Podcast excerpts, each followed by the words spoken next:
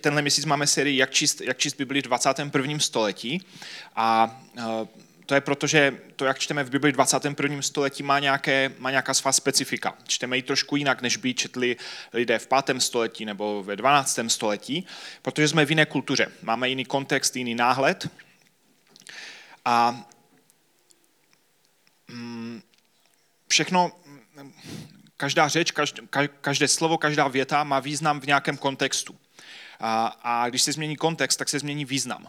A my, lidé ve 21. století, často čteme Bibli tak, že že um, jí ubereme ten, ten původní význam, to, jak to autoři mysleli, to, co tím Bůh zamýšlel a pro, projektujeme do toho nějaké svoje představy, uh, svoje nějaké uh, uh, jako důrazy a hodnoty.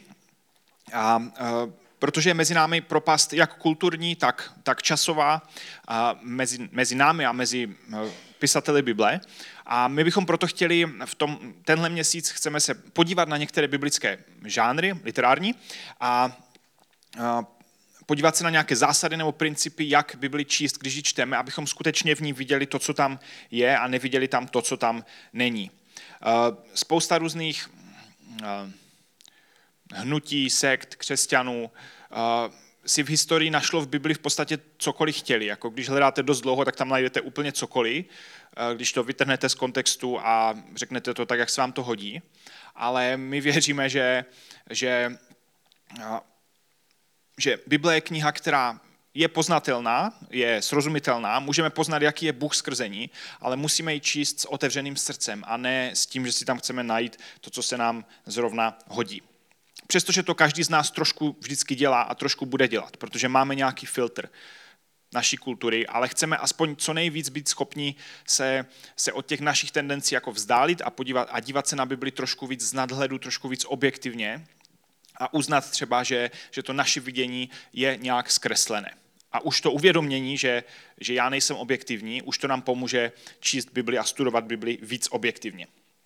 A dneska máme žánr, který někteří má, budete mít velmi rádi, někteří možná méně, a tím je poezie, to znamená písně a básně v Bibli.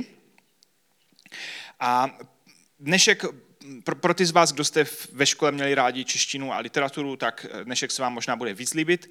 A pokud jste to neměli rádi, tak, uh, tak doufám, že se vám to bude taky líbit. A podíváme se dneska na nějakou poezii v Bibli. Konkrétně se budeme dívat na žalmy, protože jsou takové možná nejvýraznější, přestože to není jediná poezie, která se v Bibli vyskytuje. A podíváme se na nějaké principy a zásady, jak žalmy číst a jak žalmy nečíst. A některé termíny dopředu varuju, které budu používat, jsou trošičku odborné. Pokud jste dávali pozor v češtině eh, ve škole, je možné, že jste se některé z nich učili a Přestože třeba ne všechny si zapamatujete, tak je fajn mít nějak v povědomí, že některé tyhle pravidla ohledně, ohledně psaní, psaní poezie v Biblii jako existovaly, byly tam nějaké zásady, jak to ti lidé psali a to nám pomůže vidět v tom trošku víc, e, jak to autor myslel a trošku míň jako e, do toho promítat nějaké naše dojmy. Když se řekne žalmy, tak si pravděpodobně většina z nás představí nějaký jakoby nudný, pomalý chorál.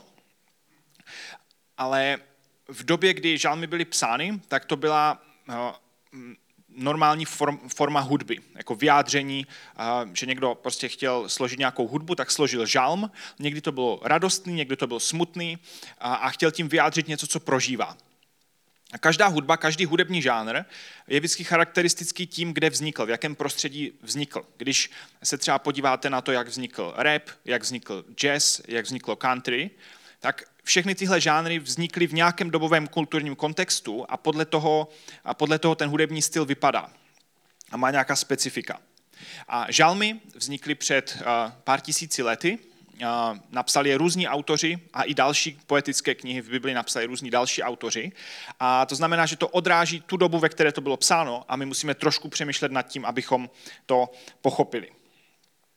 Takže poezie v Bibli a, má několik zásad. A já se dostanu rovnou k té první, který, kterou je paralelismus. Tak, pokud jste to slovo nikdy neslyšeli, tak to vůbec nevadí. A paralelismus v podstatě znamená, že, že spousta poezie, a nejenom poezie, a nejenom v Bibli, je psána tak, že, že vždycky tam jsou dvě části té věty. Někdy to jsou dva řádky, někdy to je souvětí, že je první část věty a druhá část věty. A ty dvě půlky věty mají mezi sebou nějaký vztah. Vidíme to dneska i v současných písních občas, ale v žalmech to je téměř pravidlo, že se tam ten paralelismus vyskytuje. To znamená, že máte první část věty a pak druhou část věty. A když to budeme vnímat příliš doslovně, tak můžeme dospět k věcem, které tím ten autor vůbec nezamýšlel. Takže, ehm, když máme nějaký žalm, potom si to ukážeme na, na nějaké ukázce, tak je tam eh, paralelismus, nějaké souvětí nebo nějaké dvě fráze za sebou. A ty mezi sebou buď jsou takové, že to je synonymum, třeba když je napsané eh, Bůh je pán eh, všech lidí, Bůh je pán všech národů. Tak to je synonymum, kde to je poeticky nějak jako ob, zpívané, že to je dvakrát zopakované to samé a nemá cenu hledat, jaký je rozdíl mezi všemi lidmi a všemi národy, jestli tím autor něco myslel, jestli existuje nějaký člověk, který není v žádném národě eh, a jako nějak to jako rozpitvávat. Ale prostě se ten autor snažil poeticky vyjádřit a obepsal, prostě dvakrát řekl to samé. A když máte nějaké, nějaké písničce, kdybyste zpívali já tě miluju, já tě mám rád. Jo, tak prostě to nejsou dvě různé věci, to prostě z různých úhlů opakujete to samé. Potom je někdy vztah v té větě je eh, syntetický, to znamená, že prostě klasicky, jak jsme zvyklí, druhá část věty popisuje eh, jako rozvíjí anebo vysvětluje tu první, to znamená, že to je nějaké souvětí. A nebo potom tam někdy bývá kontrast. Že, eh, a kontrast je něco, co na nás velmi působí, na naše srdce. Když, když se řekne třeba, že Bůh vládne nahoře na nebi i dole na zemi, tak to je nějaký kontrast, který něco zachycuje. Jsou to vlastně dva opaky a e, prostě je to působivé, je to něco, co se dotkne našeho srdce. Kdybychom řekli, e, Bůh vládne e, nahoře na nebi, potom i jako níž ve vzduchu, potom jako i u země, na keřích a stromech, a potom i na zemi, a potom i pod zemí, tak jako jsme akorát zmatení a moc nás to neosloví. Ale jako ten jasný kontrast, když se řekne, když se vyjádří, tak eh, se často dotkne našeho srdce mnohem lépe a mnohem jasněji. A to je jedna z eh, point žalmu nebo poezie, ke které se dneska dostaneme, že poezie není doslovná. Kdybychom se v poezii pitvali a hledali doslovně, co ty slova znamenají a, a uh, co to přesně znamená, tak mineme ten význam, mineme ten záměr. A církev někdy v historii dělala to, že vzala poezii z Bible a vytahovala z toho nějaké doslovné teologické principy. Třeba se z toho vytahovalo, že země je placatá, protože je tam napsané, že slunce vychází na východě a zapadá na západě eh, tak to znamená, že buď je země placatá, nebo se eh, slunce točí kolem země.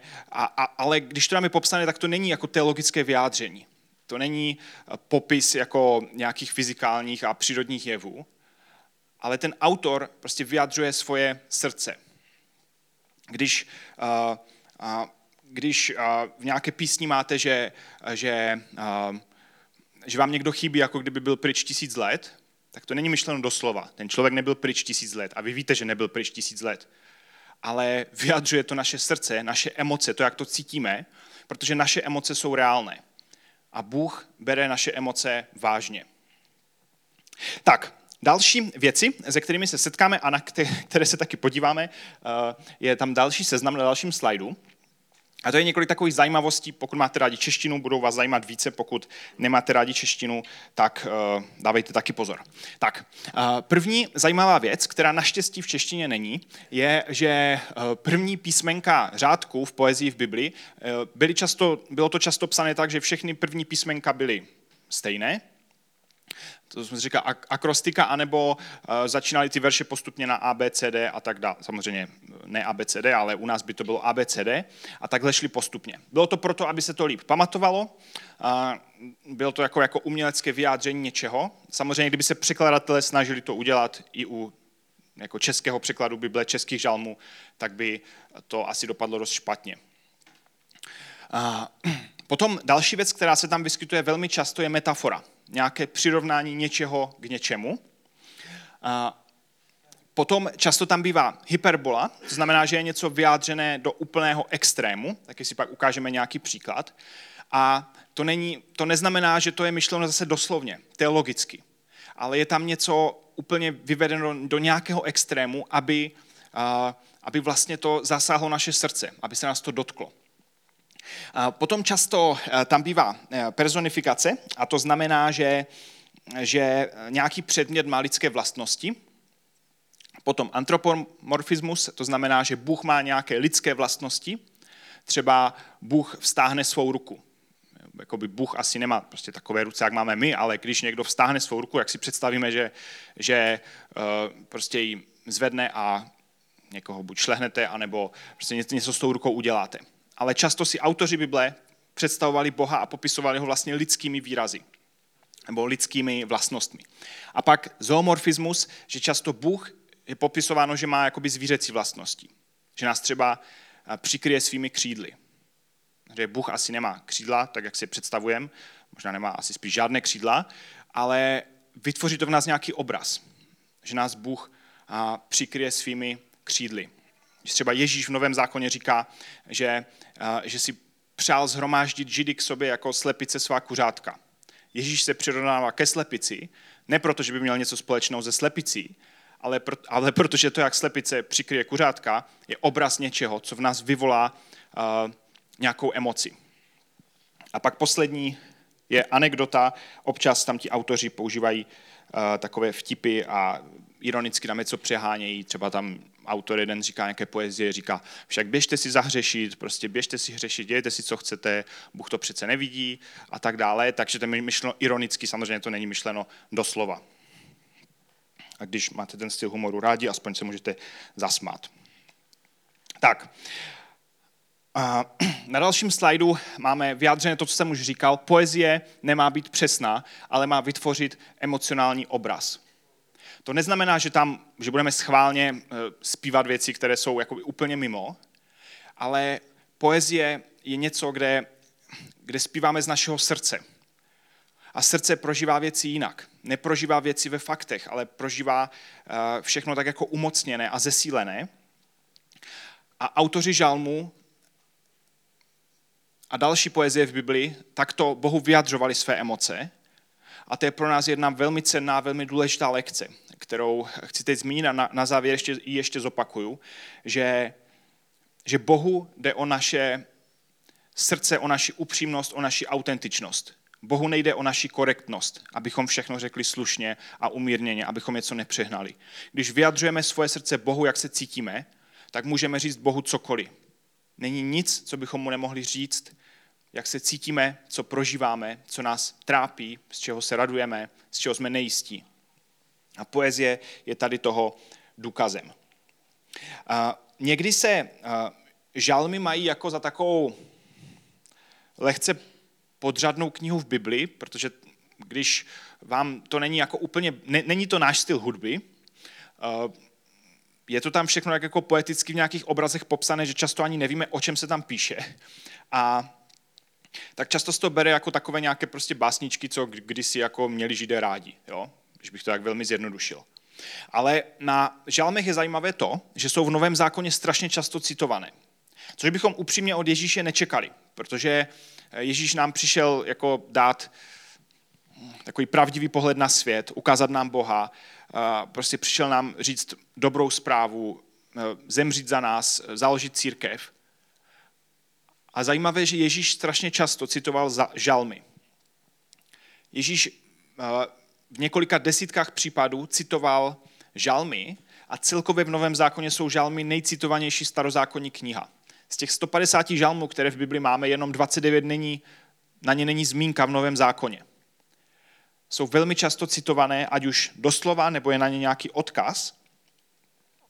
A celkem je nějakých 350 zmínek o žalmech v Novém zákoně. V Novém zákoně v době Ježíše a potom, tak zhruba máme v Novém zákoně 350 nějakých odkazů jenom na samotné žalmy. Což je zajímavé, protože Spousta věcí je tam obrazných, emotivních a možná právě proto si to často novozákonní autoři Ježíš apoštole a, další, a další to používali.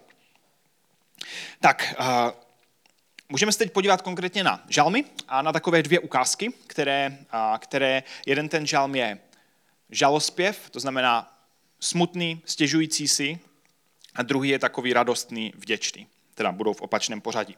A ještě než se k tomu dostaneme, tak když čteme žalmy, tak uh, první věc, když čtete nějaký žalm v Bibli, nebo jinou poezii, ale zejména to platí pro žalmy, na které se dneska soustředíme, je, že je dobré se podívat, jaký to je typ žalmu.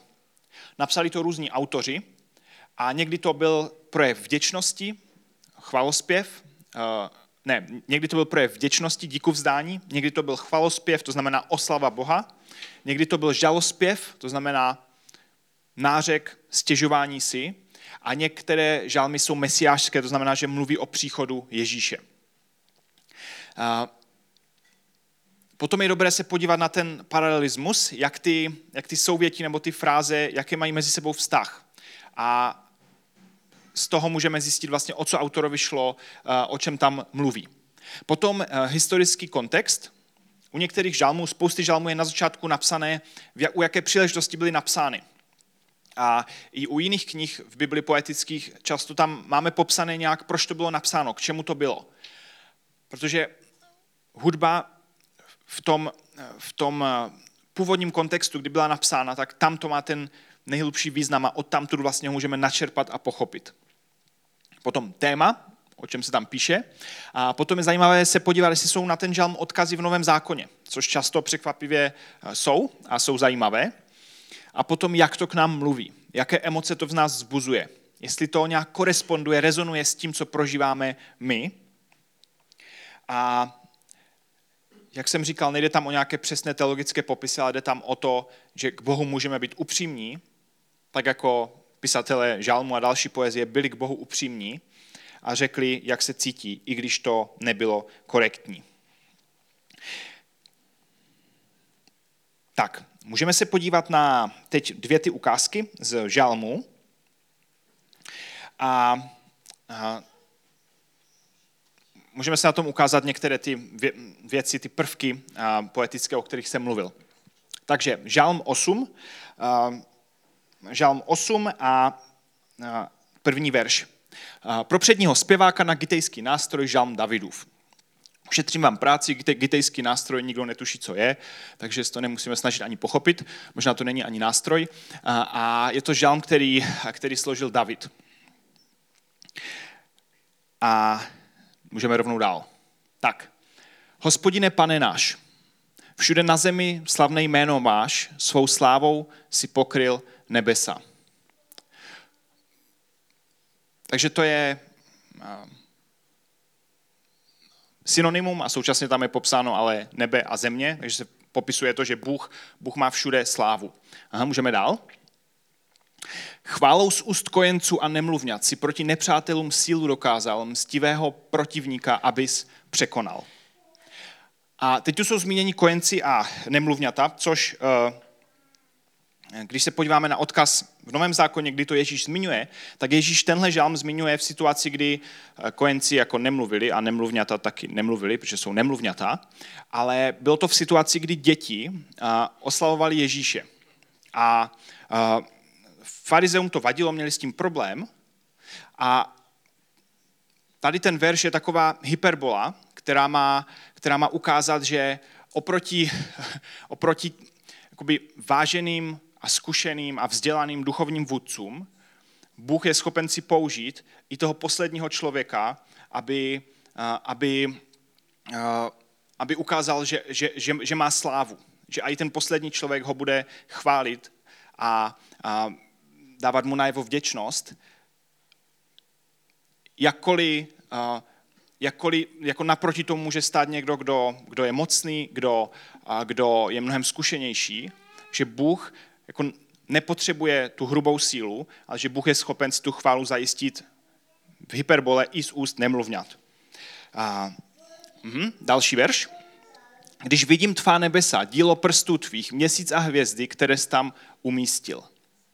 Tady je to, že Bůh má lidské vlastnosti, to znamená, že tady má prsty. A samozřejmě, když čteme tenhle verš, tak si představíme, jak Bůh bere ty hvězdičky a takhle jakoby těmi prsty sází na nebe a pak ten měsíček a, a, a, a tak dále. Ale to samozřejmě není myšleno doslova, ale je to něco, co popisuje boží moc, boží slávu, boží majestát. Um, takže to je ten antropomorfismus. Hm, můžeme dále. Co je člověk, ptám se, že na něj pamatuješ. Co je lidský tvor, že o něj pečuješ. To je ten paralelismus synonymum, že v podstatě dvakrát opakuje to stejné. Hm, můžeme dále. O málo nižším než Boha si jej stvořil, slávou a ctí si korunoval jej. Tady eh, to rozvíjí tu větu, je ten syntetický paralelismus. A dále. Nad dílem svých rukou si mu vládu svěřil, k jeho nohám si složil vše. Hm, a můžeme to dočíst do konce. Ovce a kozy, všechen dobytek i všechnu polní zvěř, ptáky na obloze i mořské ryby, vše, co putuje napříč oceány. A hospodine, pane náš, všude na zemi slavné jméno máš. Můžeme ještě na ten verš předtím? Jo, kdo máte rádi zvířátka, tak uh, zase, tady se to opakuje synonymu. Ovce a kozy, všechen dobytek. Samozřejmě, že ovce a kozy uh, byste mohli říct rovnou všechen dobytek, ale je to něco, co poeticky něco vyjadřuje. A potom používá zase ten extrém. Ptáky na obloze i mořské ryby. A představte si, že byste to řekli jinak, že ptáky na obloze i ovce a pak mořské ryby i kozy.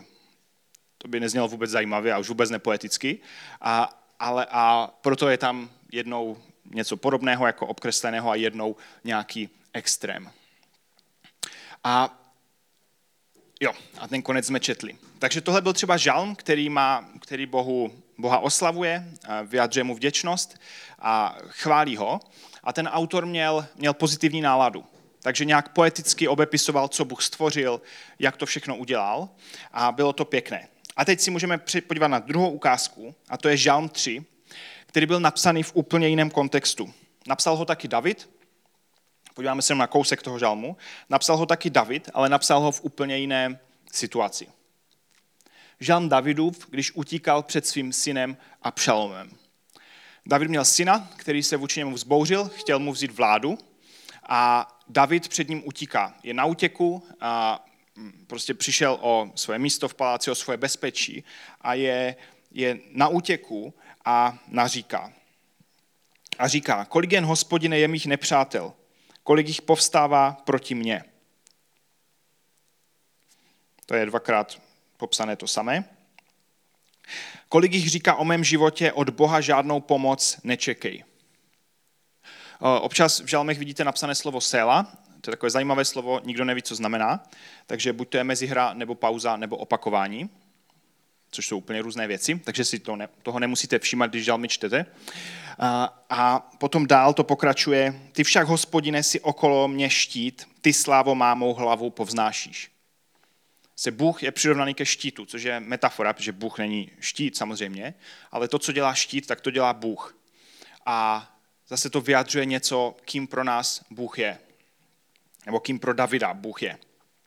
A pak používá uh, další takovou frázi. Povstaň, hospodine, zachraň mě, Bože můj, rozbij čelisti všech mých nepřátel, zvěrážej zuby ničemu. Tady je jde vidět, že David je naštvaný, že chce po Bohu, aby se pomstil a říká mu najevo, jak to cítí. My někdy, když se děje něco zlého, něco těžkého, tak někdy mám pocit, že, že máme k Bohu trošku strach být jako upřímně autentičtí a modlíme se tak jako, tak Bože, kdybys něco s tím chtěl udělat, tak třeba udělej, ale kdyby se ti nechtělo, tak nemusíš. A vlastně jsem to nechci říct nějak blbě, takže kdyby se ti třeba chtělo to nějak vyřešit nebo něco, tak, tak bys teda jakoby mohl a, ale vlastně tě nechci do ničeho nutit, vlastně tě si nemůžu do ničeho nutit, a, tak vlastně si to Bože nějak pořeš, ať je tvoje vůle a ahoj.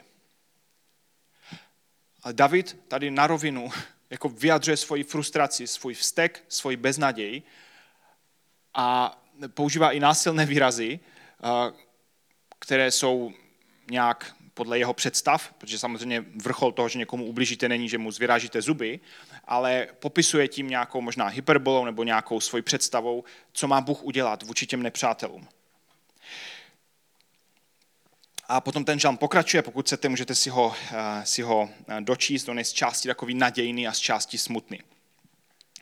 Ale závěr z toho všeho, na co jsme se dívali, je, máme na dalším slajdu, není nic, co bychom Bohu nemohli říct. A já si myslím, že pokud bychom z dneška měli mít nějaký jeden, jednu věc, kterou si odneseme, co nás poezie v Bibli učí, a co nás žalmy učí, je to, že není nic, co bychom Bohu nemohli říct.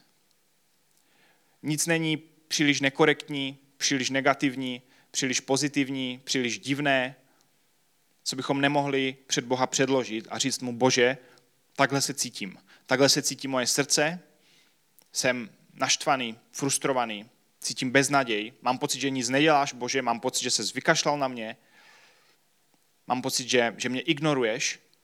Bůh si váží autentičnosti a opravdovosti. Bůh si neváží nějakých jako náboženských fráziček, které možná jako zní dobře, když se modlíte před druhýma lidma, ale Bůh ví, že to není z našeho srdce.